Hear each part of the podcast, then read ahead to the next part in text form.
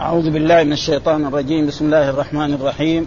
الحمد لله رب العالمين والصلاة والسلام على أشرف المرسلين سيدنا ونبينا محمد وعلى آله وصحبه أجمعين. أما بعد فإن أصدق الحديث كتاب الله تعالى وخير الهدي هدي سيدنا محمد صلى الله عليه وسلم وشر الأمور محدثاتها وكل محدثة بدعة وكل بدعة ضلالة وكل ضلالة في النار. قال الإمام الحافظ أبو الحسين مسلم الحجاج القشيري النيسابوري رحمه الله تعالى والترجمة الذي ترجم بها الإمام النووي باب ما يفعل ما يفعل بالهدي إذا عطب في الطريق. هذه هي الترجمة الذي ترجمها باب ما يفعل بالهدي إذا عطب في الطريق. وهذا معناه يعني حكم ما يفعل الذي يفعل بالهدي. ما هو الهدي؟ يعني ما أرسل لبيت الله الحرام لتعظيمه. إما هدي تمتع أو هدي قران أو هدي يعني تفوع فهذا يسمى هدي. ويكون من الإبل ويكون من البقر ويكون من الغنم. فإذا عطب معناه يعني إذا عجز. مثلا أرسل هديا ناقة أو بقرة أو شاة فانكسرت يدها أو رجلها. كيف توصل إلى مكة؟ خصوصا في الزمن السابق. أما الآن يمكن. ها؟ ها, ها؟ فإيش ماذا يفعل؟ ومعنى يعني عطب معناه حصل له إيه؟ يعني كل وأعيا. ما يقدر يمشي. هذا فماذا يفعل؟ ها؟ يرجع شوية يرجع شوية عشان ها؟ يرجع شوية على وراء. كمان شوية يرجع ورا شوية ها؟ فماذا يفعل بهذا الهدي؟ باب ما يفعل بالهدي إذا عطب ماذا يفعل بالهدي؟ ما هو الهدي؟ الهدي ما يرسل لبيت الله الحرام لتعظيمه ول يعني نحره هناك أو ذبحه ويكون إيه من الإبل ويكون من البقر ويكون من الغنم آه وهذا وهذا الهدي قد يكون واجبا وقد يكون مستحبا وقد يكون لإيه؟ لأنه فعل شيء من المحظور، فماذا إذا فعل ذلك وعطب إيش يفعل به؟ فبين لنا في هذا وبين في ذلك أن هذا الذي أرسل معه الهدي، مثلا شخص من المدينة أرسل هديا مع محمد مع خالد مع مثل فعطب انكسرت يد الناقة أو أو انكسر رقبتها أو سقطت من مكان عالي ولا فماذا يفعل بها؟ فأمر الرسول صلى الله عليه وسلم بأن تذبح فإذا ذبحت أو نحرت ثم بعد ذلك الذي كانت معه لا يأكل هو ولا يأكل رفقاه. ها ويأخذ إيه؟ يعني ما القلاء الشيء الذي قلد له النعل حقه اللي كان مقلد يجعله في دمه ثم يجعله في في السنام فكل من مر يعرف أن هذا هدي فيأكل. الفقراء ياكلوا منه والمساكين. وأما هو ورفقته لا يأكل منه. عشان إيه؟ لا يتساهل الناس. مثلا واحد عربي يعني أرسل معاه هدي. فكثرت نذبح اليوم نقعد نقعد نأكل لحم مدة أيام ثلاثة أيام أربع أيام خمسة أيام ها؟ مكسب ها؟ فلذلك هو هو وجماعته لا يأكلوا. حتى انه يعني يذكر هنا في الشرح حتى الجماعة اللي في القافلة معاه مو بس رفقاء خمسة الأنفار. بعضهم قال الذي يأكل معه ويشرب معه. بعضهم قال لا كل القافلة اللي كانت في ذاك الوقت ما يكون منها. عشان لا يتساهل في هذا الموضوع. ها؟ وسيذكر الأحاديث الذي إيه؟ تبين هذا، إيش هو الأحاديث؟ قال حدثنا يحيى بن يحيى أخبرنا عبد الوارث ابن سعيد عن أبي التياح الضبعي حدثني موسى بن سلمة الهذلي قال انطلقت أنا وسنان بن سلمة معتمرين. ها؟ يقول هذا التابعي انطلقت أنا وسنان بن سلمة معتمرين قال وانطلق ها؟ سنان معه بدنة. إيش البدنة؟ يعني الهدي. وهو قال الله تعالى والبدن جعلناها لكم من شعائر الله لكم فيها خير فاذكروا اسم الله عليها صوافا فإذا وجبت جنوبها بدنة. ها؟ يسوقها. ها؟ ومعلوم انه من السنة أن الإنسان لا يركب إيه؟ البدن والهدي بل يسوقه إلا إذا إذا احتاج إليه فيركبه على قدر الحاجة بالمعروف. ها فأزحفت. إيش معنى أزحفت؟ وقف يعني من الكلال يعني حصل؟ ما تقدر تمشي. إما لضعف في جسدها أو انكسرت يدها أو رجلها أو أي مكان أو جرحت جرحا عظيما صار ينزف دم. فهذا معناه يعني ها فأزحفت عليه بالطريق. ها؟ فعي بشأنها. يعني إيش الحكم الذي يعني هذا؟ إيش يكون فعي بشأنها؟ معناه على ثلاثة أقوال قال فالإعياء هو العجز. ها يعني هو العجز. عجزت ما يمكن توصل إلى مكة بأي طريق. ماذا يفعل؟ ومعلوم أما في عصرنا هذا يمكن. ها دغري يحطها في مرسيدس يوصلها. ها يوصلها في ونيت الآن بعض شاة أو بقرة يعني أبدا. ها لكن في الزمن السابق ما في. ما في لا ونيت ولا في هذا. ما في إلا يعني ما في إلا الناقه فين مين يشيل الناقه تشيل شا... ناقة كانت صغيرة يمكن فلذلك فماذا فبشانها ها؟ إن هي أبدعت. يعني إيش؟ يعني تعطلت ولا يمكن أن أن تمشي. أبدعت. كيف يأتي بها؟ كيف يوصلها إلى مكة؟ كيف يوصل هذا هذا البدنة أو هذه الناقة أو هذه البقرة؟ كيف يوصلها؟ فقال لئن قدمت البلد قال والله الواو هذه اللام لام يعني والله لئن قدمت البلد إذا قدمت بلد. نعم. فأنا أسأل العلماء. ها؟ وبالفعل لما وصل آه، آه، لأسحفين عن ذلك يعني لأسألن. اسمع لأسحفين لأسألن. أروح البلد يعني مثلا في الآن هو مسافر في الطريق. ما في علماء. فقال إذا وصلت بلد دغري أنا أروح أسأل العلماء ماذا أفعل في هذا الموضوع؟ وإيش يلزم علي؟ فبالصفة وصل إلى مكة. فلما وصل إلى إلى مكة قال فلما نزلنا بالبطحاء ومعروف البطحاء في مكة معروف ها؟ يعني إلا من جهة المقبرة حقت مكة هذا يسمى البطحاء وما فوقها. قال انطلق. انطلق لابن عباس. مين العلماء؟ في شك عبد الله بن عباس حبر الأمة وترجمان القرآن ودعا له رسول الله صلى الله عليه وسلم. ابن عباس نتحدث نقول له أنا عندي بدنة وقد سقتها وعطبت في الطريق فماذا أفعل؟ إيش الحكم الشرعي؟ ها؟ أه؟ فقال له فذكر له شأن بدنته فقال على الخبير سخط يعني أنت جيت حصلت العالم اللي يعرف هذا الحكم وهذا يعني يقول فيه دليل يعني إذا كان العالم يعني هو متمكن من علمه لا بأس أن يمدح نفسه. وكان يقول له يقول له نشوف نسأل ها؟ يقول له على الخبير يعني هذا الحكم أنا أعرفه تماما. وأعطيك إيه مو حكم يعني مخ من مخي لا عن رسول الله صلى الله عليه وسلم كمان.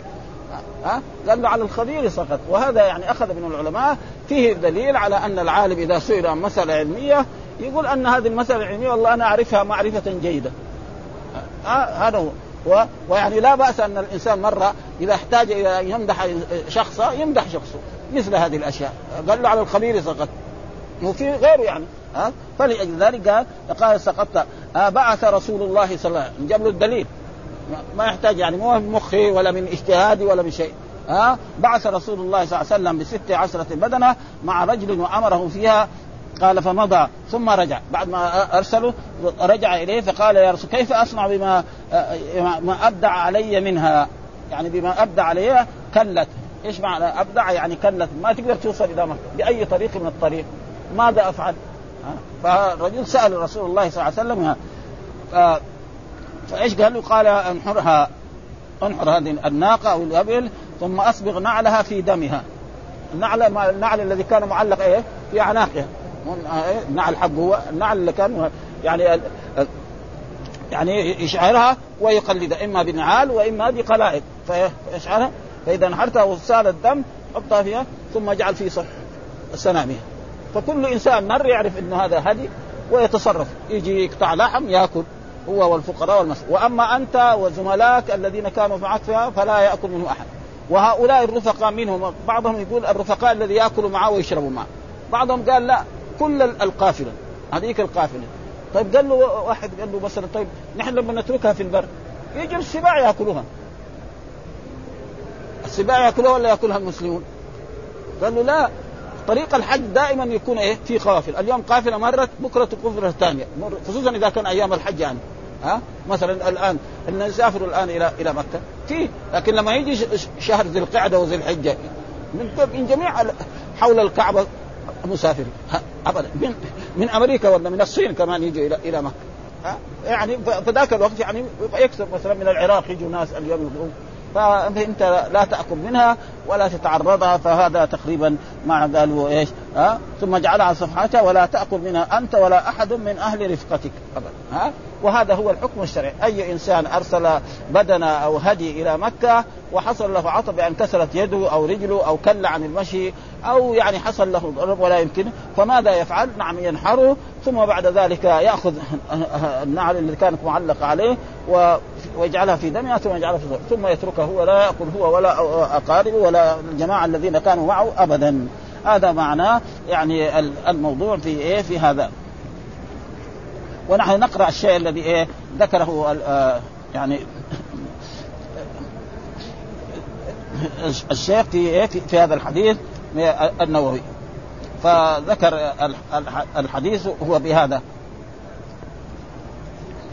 قال عن التياح في مسناته والضبع بضاد معجمة مضمومة وباء موحدة مفتوحة اسمه يزيد بن حميد البصري منسوب إلى بني ضبيع آه، ضبيعة ابن قيس ابن ثعلبة ابن عكابة ابن صعب ابن علي ابن بكر ابن وائل ابن قاسم ابن ابن هنب ابن أقصى ابن رعمة ابن جديلة ابن أسد ابن ربيعة ابن نزار ابن معد ابن قال السمعاني نزل أكثر نزل أكثر هذه القبيلة البصرة وكان بها محلة تنسب إليهم.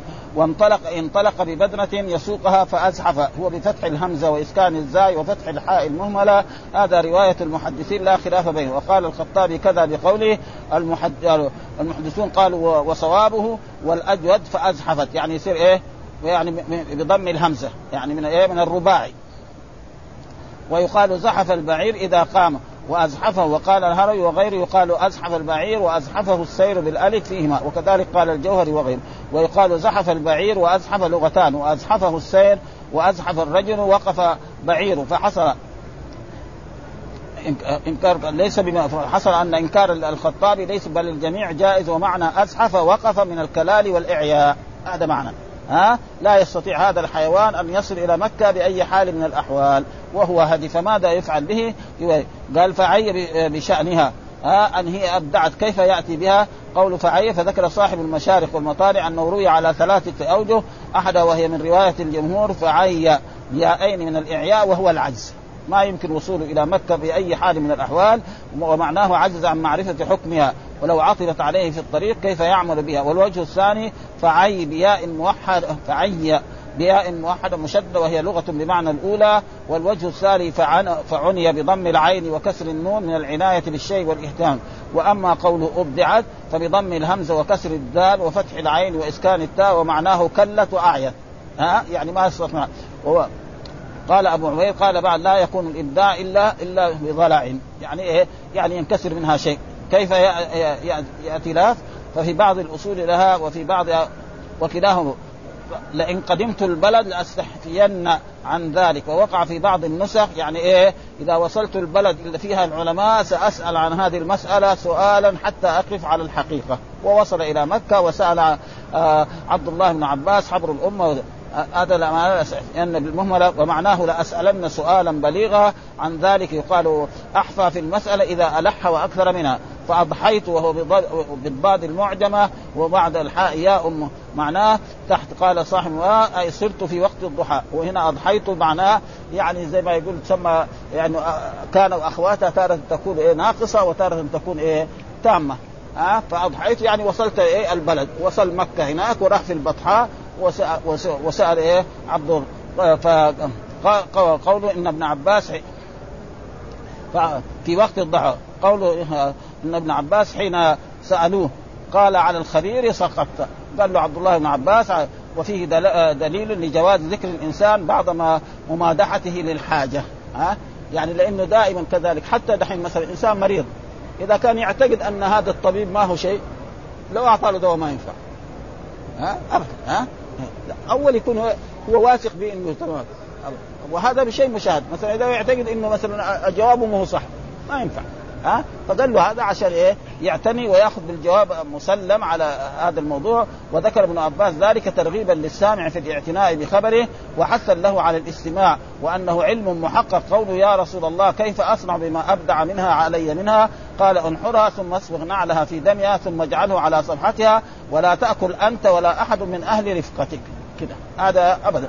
إيش قال؟ فيه فوائد منها أنه إذا عطب الهدي وجب ذبحه وتخليته للمساكين ويحرم الأكل منه عليه وعلى رفقته الذين معه في الرفق سواء كان الرفيق مخالطا له أو في جملة الناس من غير مخالطة والسبب في نهي قطع آه، قطع آه، الذريعة لئلا يتوصل بعض الناس إلى نحره أو تعييبه قبله أو وانه اختلف وأنه اختلف العلماء في الأكل من الهدي إذا عطل فنحر فقال الشافعي إن كان هدي تطوع كان له أن يفعل فيه ما شاء من بيع وذبح وأكل وطعام وغير ذلك ولو ها ولو ترك ولا شيء عليه. إذا كان إيه تطوع. وأما إذا كان واجب هدي هذاك في كل ذلك لأنه ملكه وإن كان هديا منذورا لزمه ذبحه فإن تركه حتى هلك لزمه ضمانه فإذا كان نذر لازم إيه يذبحه وإذا تركه حتى مات يلزم قيمته يسلم. ويشتري هدي ثاني هذا إن النذر لازم إيه؟ لازم الايفاء بالنذر. ما دام هو لازم وقال إنه يذبح في مكة فلازم إيه حتى لزم ضمانه. ولو فرط في حفظ الوديعة حتى تلفت فإذا ذبحه غمس نعله التي قلدها إياه في دمه وضرب بها صفحة سنامه وتركه موضعا ليعلم من مر به أنه هدي فيأكله ولا يجوز للمهدي ولا لسائق هذا الهدي. وخ... وفائدة الأكل منه وقائده الأكل منه ولا يجوز للأغنياء الأكل منه مطلقا لأن الهدي مستحق للمساكين فلا يجوز لغيره ويجوز للفقراء من من غير أهل هذه الرفقة ولا يجوز لفقراء الرفقة في الم... وفي المراد بالرفقه وجهان لأصحابنا أحدهما ان أنهم الذين يخالطون المهدي في الأكل وغيره دون باقي القافلة. والثاني وهو الأصح وهو الذي يقتضيه ظاهر الحديث وظاهر نص الشافعي وكلام جمهور أصحابنا أن المراد بالرفقه جميع القافلة. جميع القافلة ما يأكل منه ابدا. ها؟ يكون القافلة 1500 ها؟ هذا هو تقريبا هذا. فيعني لازم الهدي والقرآن ذكر هذا. يعني في آيات ومن تمتع بالعمرة إلى الحج فما استيسر منه وقد يكون هذا الهدي واجبا وقد يكون مستحبا وقد يكون منذورا فعلى كل حال إذا عطب لازم يرسل يعني يذبحه ويتركه في مكانه ويأكل الفقراء والمساكين. وهو هذا الذي ساق الهدي أو من كان له الهدي لا يأكل هو ولا رفقاؤه أبدا من هذا الهدي. لا يجوز له.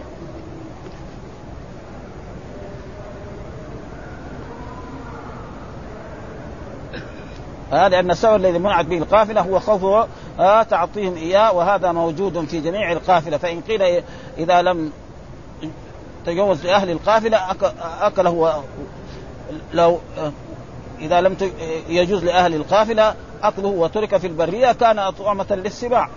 فطعمة للسباع قال له لا ما يكون طعمة للسباع إضافة إيه؟ إضاعة لله قلنا ليس في إضاعة إضاعة بل العادة الغالب أن سكان البوادي وغيرهم يتبعون منازل الحج. ها لالتقاط ساقطته ونحوه. هذا معروف. يعني مثلا القوافل لما كانت بالإباد الناس بعدين يمر واحد ترك له أمتعة. يأخذون ها؟ واحد ترك شيء. فلذلك هذا الواجب وأنه يعني لازم عليه أنه ففهم هذا هذا هو الحكم الذي يريده أنه إذا كان الهدي عطب لازم يذبحه ولا يأكل هو ولا رفقاءه في هذا ويتركه للفقراء والمساكين ولا يتعرضه بأي سوء. ثم قال وحدثنا يحيى آه ابن يحيى وأبو بكر بن أبي شيبة وعلي بن حجر قال يحيى أخبرنا وقال الآخران حدثنا إسماعيل بن علية عن أبي التياح عن موسى بن سلمة عن ابن عباس أن رسول الله صلى الله عليه وسلم بعث لثمان عشرة بدنة ها ها في للبيت مع رجل ثم ذكر بمثل حديث عبد الوارث ولم يذكر أول الحديث لم يذكر أول الحديث أنه هو رجع إلى الرسول فلما حصل ذلك هذا أمره الرسول ان إذا عطبت نعم ان أن يحرها ولا يأكل هو ولا رفقاؤه من ذلك. مثل الحديث الأول. وحدثنا كذلك أبو غسان المسمعي حدثنا عبد الأعلى حدثنا سعيد عن قتادة عن سنان بن سلمة عن عن ابن عباس أن ذؤيب أبا قبيصة ذؤيبا أبا قبيصة حدث يعني ذؤيبا هذا اسمه. وأبا قبيصة هذا يعني كنية له وهذا معروف زي ما يسمى في اللغة العربية بدل أو عطف بيان ها؟ مثلا يقول مثلا عن أبي موسى عبد الله بن قيس. فعبد الله بن قيس إيش هذا؟ هذا بدل أو عطف بيان هذا ها؟ مثلا يقول مثلا أنس خادم رسول الله صلى الله عليه وسلم. فهذا يسمى عطف بيان أو ودائما يعني كذلك مثلا سيدنا محمد فيصير الثاني بدل مثلا كذلك عن أبي حفص عمر بن الخطاب. كل هذه أشياء مثل مثل هذه. حدثه أن رسول الله كان يبعث معه بالبدن ثم يقول إن عطب منها شيء فخشيت عليه موتا فانحرها ثم اغمس نعلها في دمها ثم اضرب بها صفحتها ولا تطعمها أنت ولا أحد من أهل رفقتك.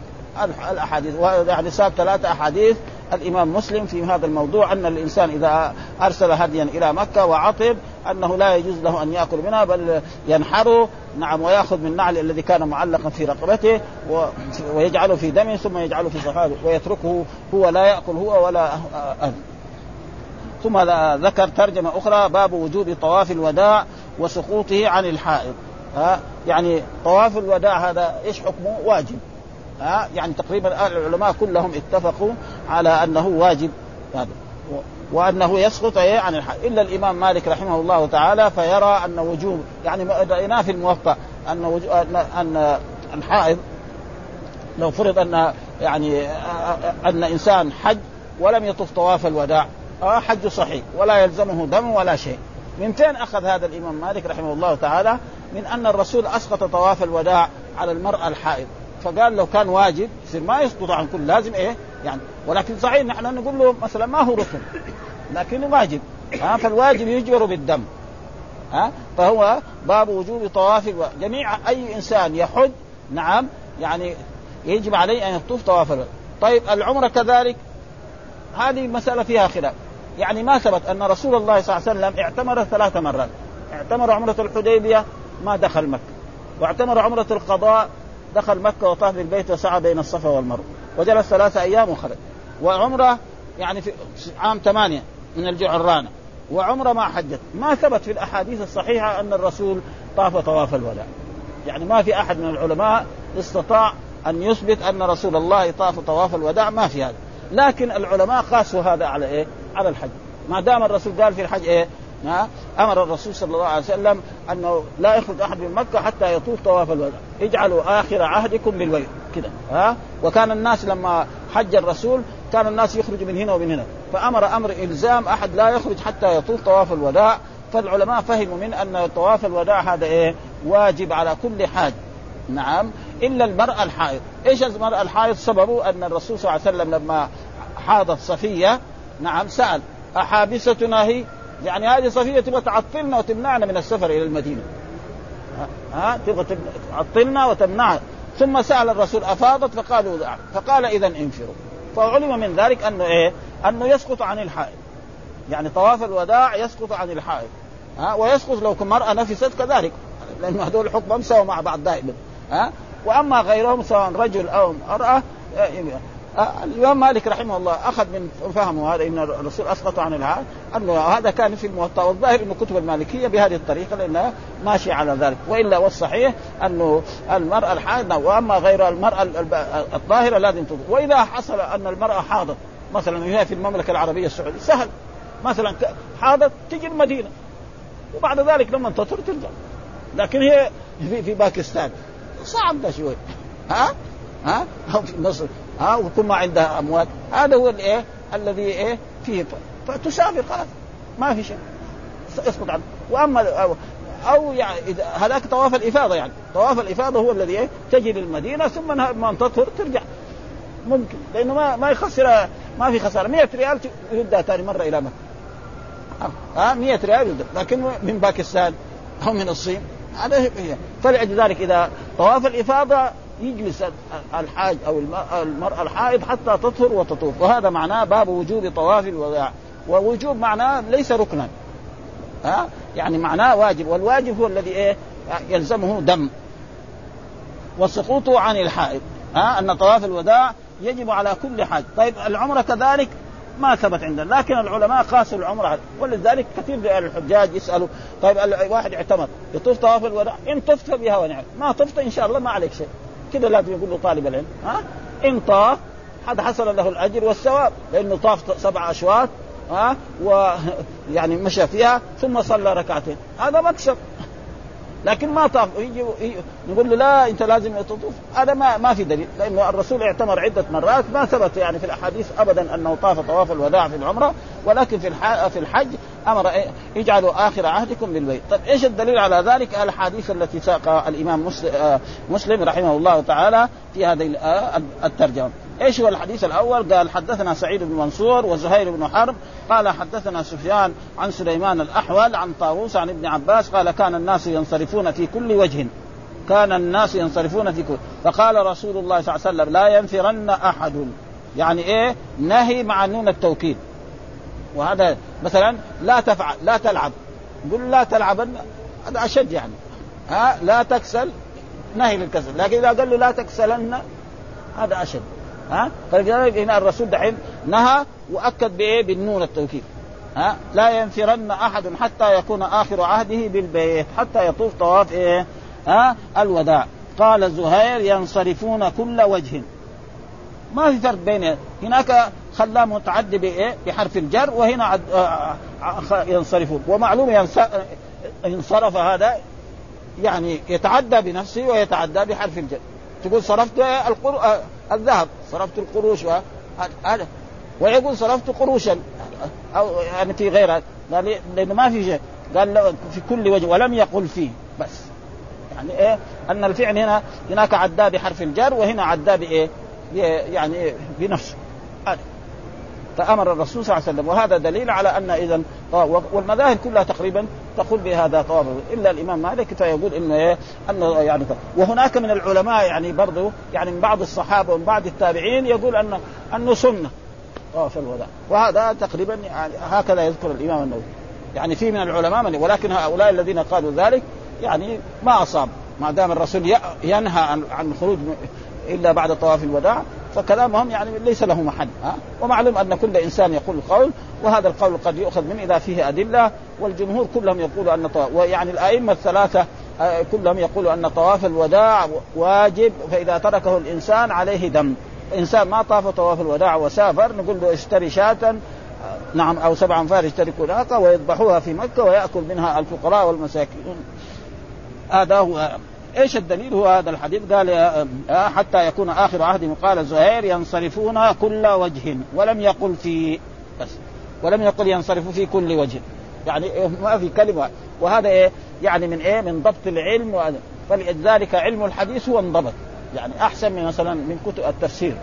التفسير فيه أشياء يمشي حالها. ها؟ كتب التفسير.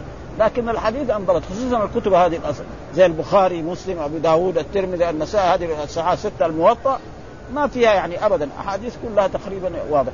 لكن كتب التفسير فلذلك وإلا دحين ما في فرق كلمة في بس. ومع ذلك يقول أنا شيخي قال لي في كل وجه وهناك ينصرفون كل وجه بس.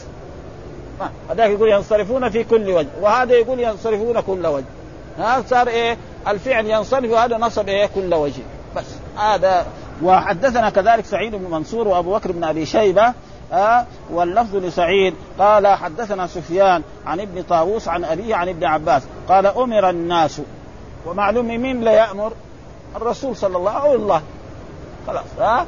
وهذه أحاديث فمين اللي بيأمر رسول الله ومعلوم أن الفاعل يجوز حذف ها؟ إذا دل عليه دليل. وموجود هذا في القرآن كذا ها؟ وخلق الإنسان ضعيف. اصله كان خلق الله الإنسان ضعيفا. كذا هو حذف الفاعل ها؟ مثلا مثلا أمرت أن أسجد على سبعة أعظم. مين الآمر؟ ها؟ نعم. الله أمر الرسول ونحن مأمورين. وهكذا يعني جائز حذف الفاعل فيقول أمر. مين الآمر؟ رسول الله صلى الله عليه وسلم. ومعلوم أن الفاعل يجوز حذفه إذا في دليل يدل عليه آه كما هو معروف في إيه؟ قال أمر الناس أن يكون آخره. فالآمر هنا في هذا الحديث مين؟ رسول الله صلى الله عليه وسلم. خلاص. ها؟ أه؟ من يطع الرسول الا أنه خفف عن المرأة الحائض. وهذا محل الشاهد. المرأة الحائض إذا حاضت نعم لها أن تخرج مكة ولا تطوف طواف الوداع وليس عليها هدي وحجها صحيح كامل. ليس. ها؟ أه؟ إيش الدليل؟ سيأتي بالأحاديث أن صفية حاضت ثم سأل الرسول قال أحابستنا هي؟ ثم سأل عنها. فقال إيه؟ إنها حائض. فلما سأل قالوا أفاضت لأنه مثلا الرسول جلس في مكة في منى أربع أيام. فهي في اليوم الأول طافت طواف الإفاضة. وفي اليوم الثاني أو اليوم الثالث جاءها الحيض. فالرسول ظن إنها حائض. فإذا حائض معناه لازم إيه؟ تعطل الرسول وتعطل أصحاب الرسول. يعني الرسول قال لأصحابه أنتم سافروا إلى المدينة. و... وأنا أجلس في مكة حتى تطهر صفي ما يرضوا الصحابة. نحن خرجنا معك يا رسول الله من المدينة. نرجع معك. نقعد. إيش إيش يضرهم إذا قعدوا 10 أيام مع رسول؟ مكسب هذا. ها؟ ما في شيء يعني. فلذلك ما ما, ما يقول. فثم فهم إنه ما عليها شيء خلاص. الرسول. الواجب كله لما ترك يلزم الدم. لكن أه؟ هذا ما لزم فيه الدم. كيف؟ ها؟ على الحائضة تركت خفف عليه أه؟ ما ملزمة إيه؟ بالطواف إيه. إيه. الاشياء الثانية الواجب كله لما ترك يلزم الدم فيها. إيه. نعم صح. هذا ما يلزم فيه. هو مقاب بس رخ بس رخ اوجبوا على مين؟ اوجبوا على على غير الحائض يعني الدم إذا كان واحد مثلا ما ما هو حائض مرأة ما هي حائض وسافرت. هو ليش قال؟ أخذ من هذا إنه سنة الإمام مالك. لأنه لما أسقطوا عن الحائض معنى لأنه مثلا الوقوف بعرفة. ما يسقط عن أي أحد. ولا لا؟ الطواف طواف الإفاضة ما يسقط. ابدا ما يسقط هذه هذه الأشياء ما تسقط مثلا ليه؟ لأنه في أركان الحج كم؟ أربعة مثلا الإحرام، الوقوف بعرفة، طواف الإفاضة، السعي بين الأربعة هذا وهناك من العلماء من يقول أنها خمسة ها زي الشافعية يقول إيه؟ الحلق والتقصير هناك من العلماء من يقول أن إيه؟ أركان الحج ستة ويدخل فيها إيه؟ يدخل فيها النزول بمزدلفه لقول الله تعالى إيه؟ فإذا أفضتم من عرفات فاذكروا الله هذا فعل أمر هذا ها؟ يعني هذا تقريبا هي. وهناك رأينا كذلك ابن قدامة صاحب العمدة ده اللي كان يقرر في المدارس ان أن للحج نعم ركنين بس. إيش هي؟ وقوف بعرفة وطواف الافاضه قالوا له طيب آآ آآ الإحرام. قال هذاك إيه؟ شرط. إيه فين؟ دليله؟ إنما الأعمال بالنيات. السعي كذلك بعض العلماء يرى أنه هو يقول مع أنه في حديث إن الله كتب عليكم السعي فاسعوا. إن الله كتب عليكم إيه السعي فاسعوا. هذا إيه أمر دحين ها. هذاك إيه الحديث يعني يرى بعضهم يقول إنه إنه ما هو ما هو. ولذلك نحن نقرأ اللي ذكروا في إيه في هذا يعني ها. قال فيه دلالة لمن قال بوجوب طواف الوداع. وأنه إذا تركه لزمه دم وهو الصحيح في مذهبنا وبه قال أكثر العلماء منهم الحسن البصري من التابعين والحكم وحماد بن زيد والثوري وأبو حنيفة وأحمد وإسحاق وأبو ثور وقال مالك ها وداود ها مالك بن أنس إمام دار الهجرة وداود الظاهري وابن المنذر هو سنة لا شيء ومعلوم أن الاختلاف في الفروع يعني ما تضر. ها؟ هذا يقول كذا وهذا. فإذا حصل قال فإن تنازعتم في شيء فردوه إلى الله وإلى الرسول ها؟ في تركه وعن مجاهد روايتان كالمذهبين مجاهد بن جبر تلميذ عبد الله قال أمر الناس أن يكون آخر عهد بالبيت إلا أنه خفف عن المرأة الحائض. هذا دليل لوجوب طواف الوداع على غير الحائض وسقوطه عنها.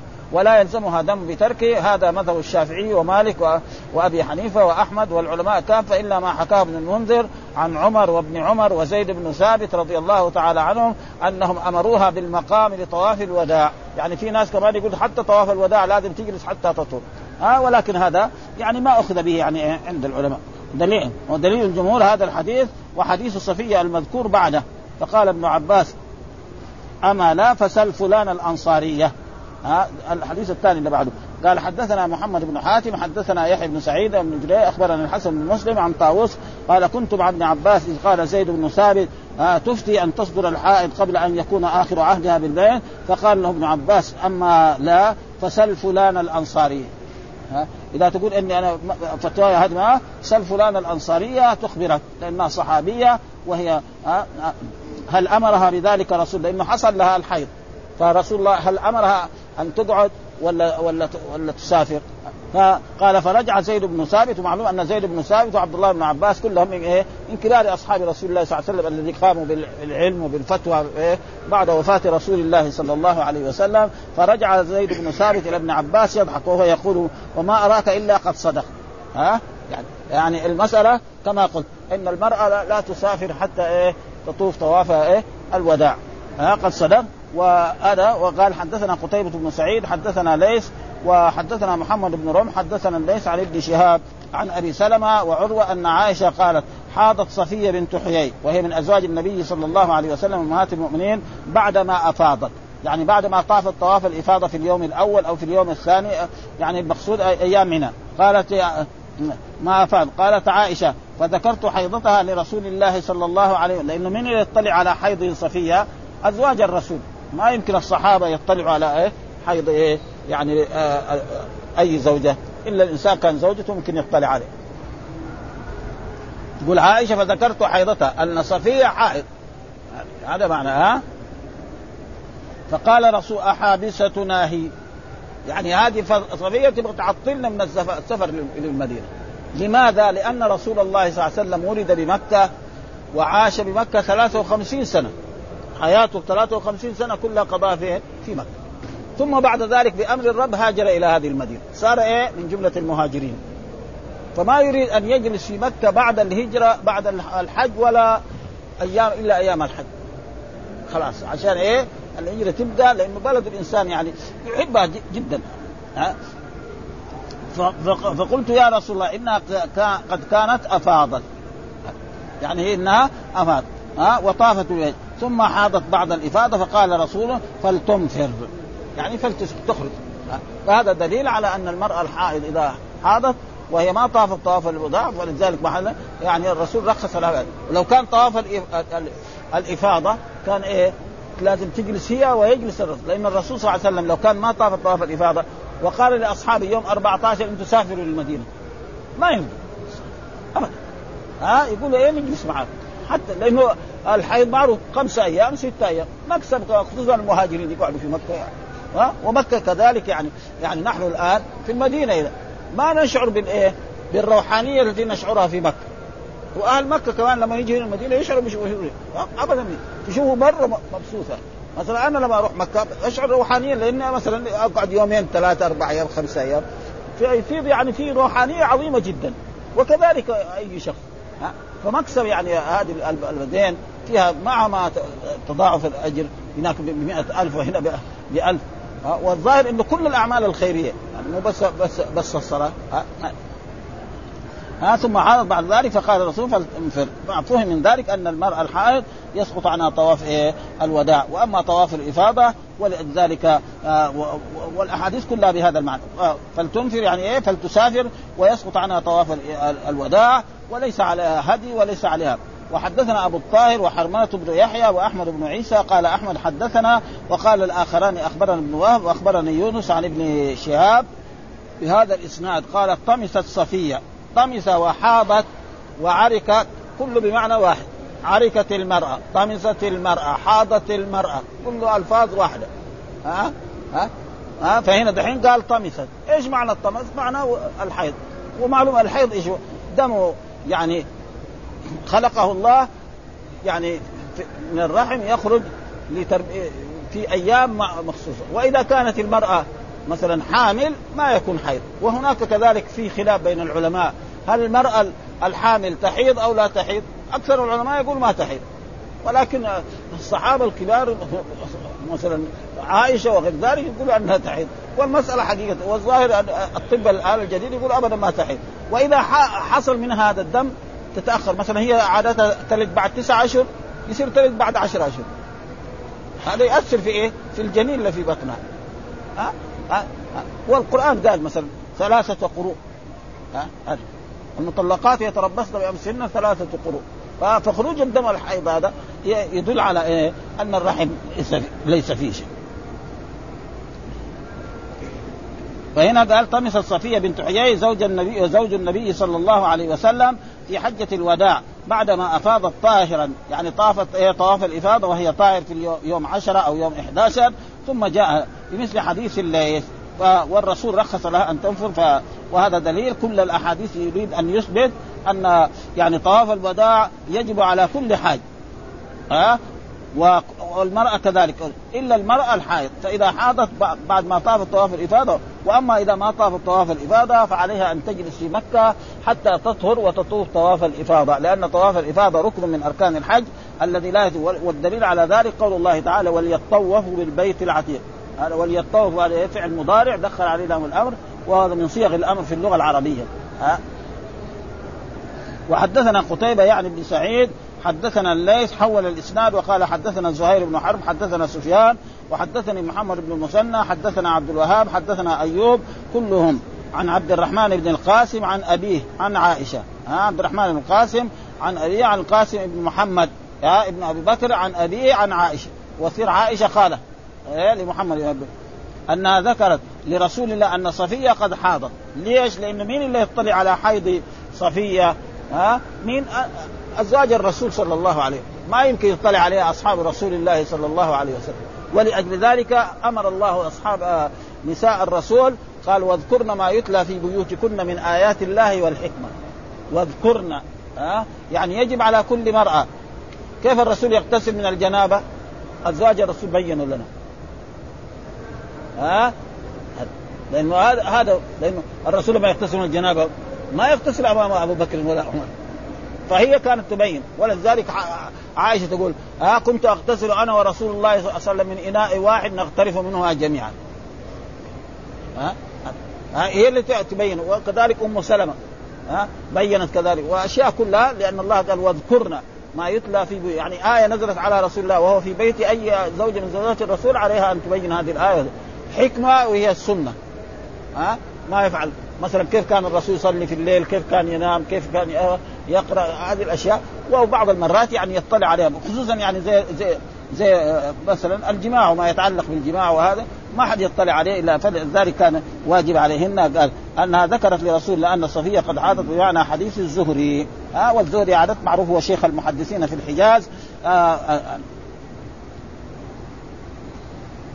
وحدثنا عبد الله بن مسلمة ابن قعنب هذا هذا شيخ شيخ الإمام مالك رحمه الله تعالى. حدثنا أفلح عن قاسم ابن محمد عن قال كنا نتخوف أن تحيض صفية. معلوم المرأة تعرف.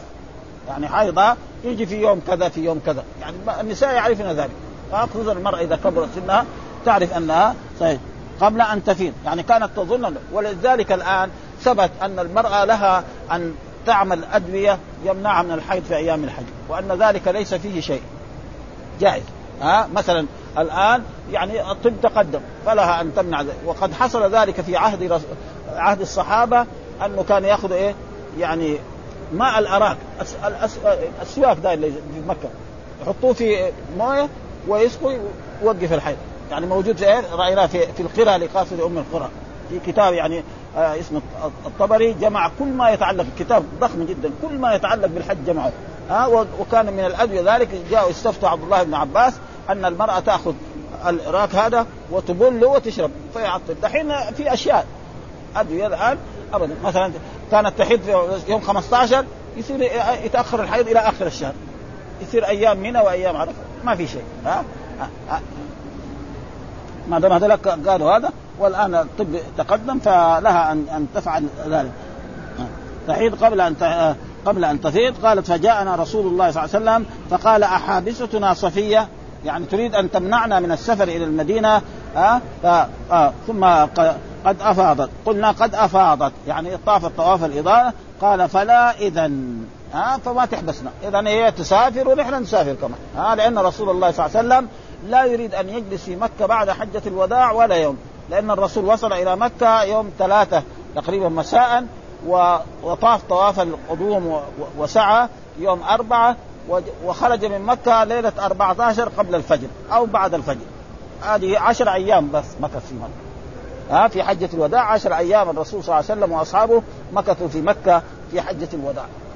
لأنه إيه مهاجر. والمهاجر ما دام ترك مكة لهذا وإلا مكة بلده.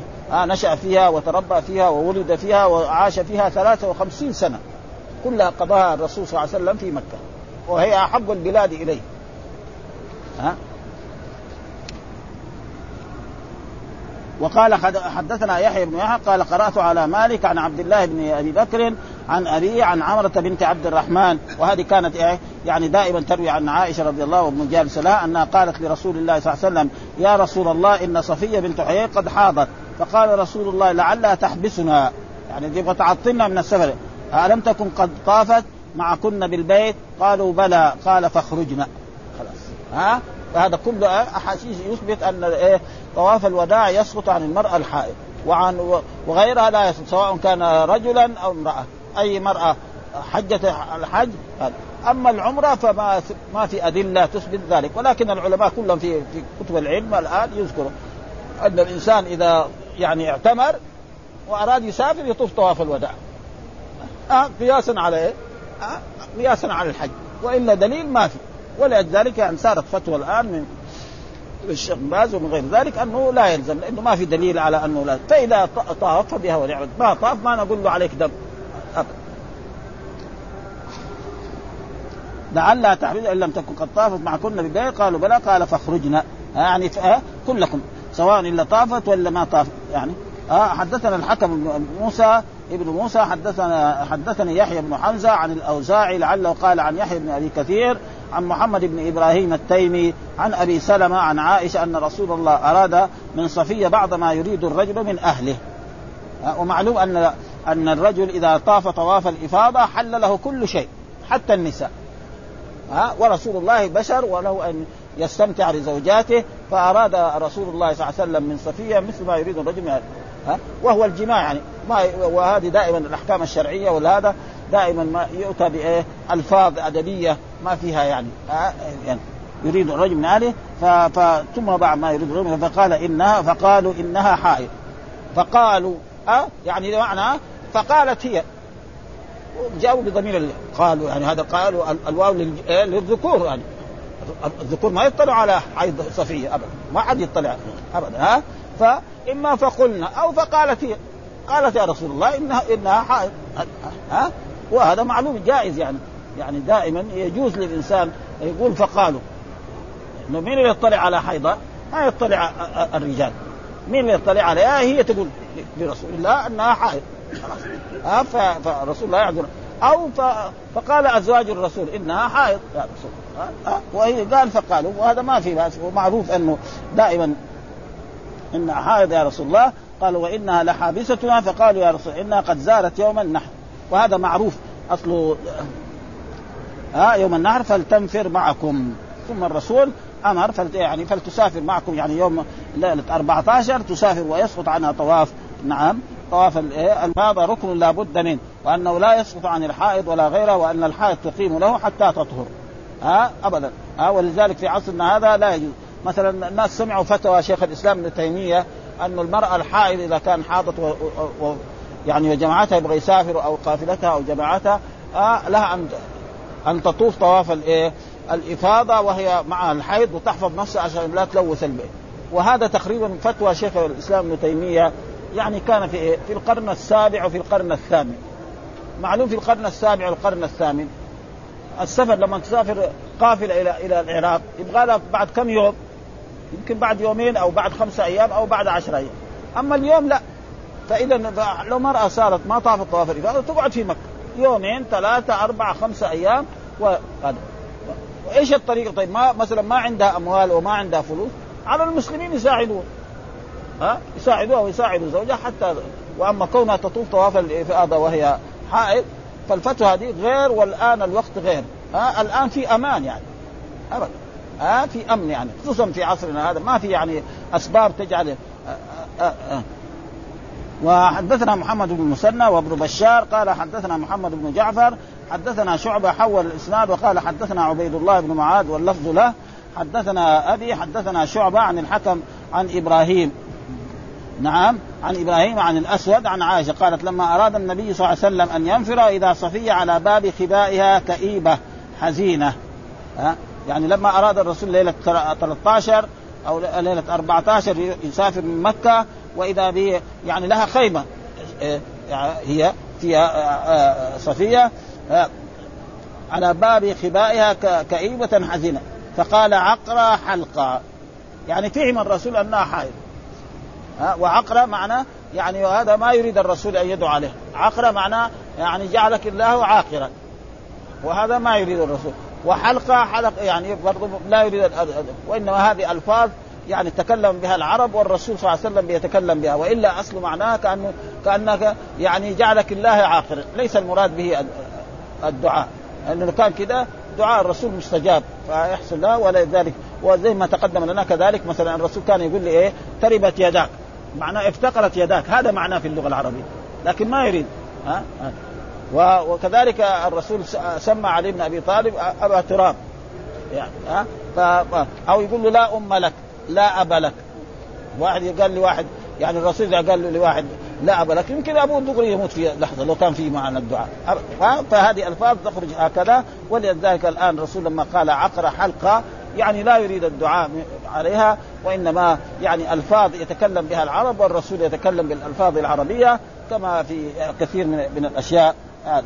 ها؟ ها؟ إنك لحابستنا يعني أكد إنك لحابس ثم قال لها كنت أفضت يوم النهر قال قال فانفري خلاص. ها فهم من ذلك أن الأحاديث كلها يعني ترخص للمرأة الحائض. نعم إذا ما إذا طافت طواف الإفاضة أن تخرج أما إذا ما طافت طواف الإفاضة فيلزمها أن تجلس هي وزوجها و وأقاربها حتى يعني تطهر وتطوف طواف الإفاضة. والفتوى التي يعني كثير من الناس يبغوها دحين من فتوى شيخ الإسلام يعني الآن ليس لها محل آه لأن المسألة فيها أمان وفيها آه أول كان يمكن في مخاوف وفي أشياء والقافل إذا سافرت يمكن يبقى بعدها. وحدثنا يحيى بن يحيى وأبو بكر بن أبي شيبة وأبو كريب عن أبي معاوية عن الأعمش وحدثنا زهير بن حرب حدثنا جرير عن منصور جميعا عن إبراهيم عن الأسود عن عائشة عن النبي صلى الله عليه نحو حديث غير أنهما لا يذكران كئيبه حزينة. يعني ها؟ يعني رآها الرسول واقع على خبائها يعني خيمتها ما قال كئيبه حزينة ها؟ ففهم الرسول صلى الله عليه وسلم أو قيل له إن مرأة صفية حائض فقال الرسول صلى الله عليه وسلم يعني حابستنا هي ثم تبين إنها طافت طواف الإفاضة فرخص لها رسول الله صلى الله عليه وسلم وهذا حكم عام لجميع المسلمات إلى يوم القيامة. أي مرأة حاضت وقد طافت طواف الإفاضة فلها أن تخرج إلى بلدها وحجها كامل ليس عليها هدي وأي إنسان يخرج من مكة ولم يطوف طواف الوداع فإن عليه دم سواء كان رجل أو امرأة إذا لم يكن حائض. هذا الذي يفهم من هذه النصوص وهذا آه والحمد لله رب العالمين وصلى الله وسلم على نبينا محمد. ونوقف على باب استحباب دخول الكعبة للحاج وغيره والصلاة فيها والدعاء في نواحيها كلها.